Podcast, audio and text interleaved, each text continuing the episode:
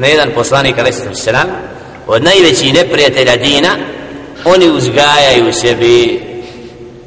Ka što pusti smo im da idu u Medinu da uče? Sad nam donose. Nije komunizam Medinu.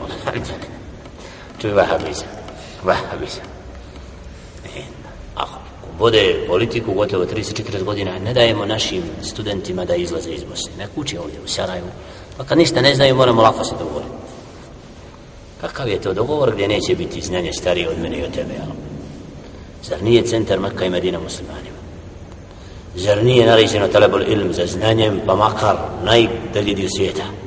Ima neko da kaje da ne nemojmo ići. Za znanjem treba tragati i putovati. I kolika je nagrada onome koji ide u mnogim predajima kao vrijednost muđahida ukrene za talebul ilm za znanjem kao borac na Allahovom putu.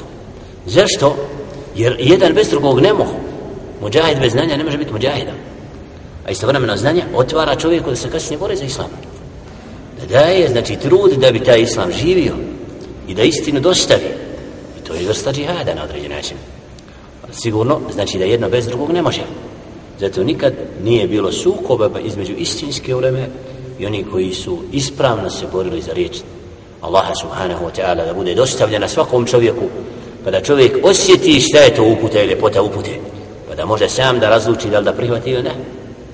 Istanbul nekad grad Vizantije iščekivao je vojsku muslimana samo da dođe da ih oslobodi od ropstva oni koji su im pljačkali. Znači narod potlačen. Sve vrste zuluma na njemu. Islam dolazi kako? la, nema nepravde. Islam pravdu. Sad šerijat predstavljen kao nikako to nam je zbog čega?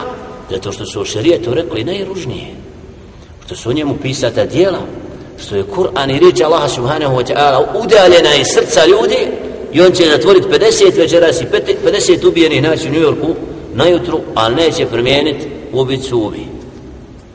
I onda čitav u se okreće, nigdje izlaza, od zatvora do zatvora ubica, što više, znači, ili krađa ili ne znam. Allahov zakon rešava to jednostavno.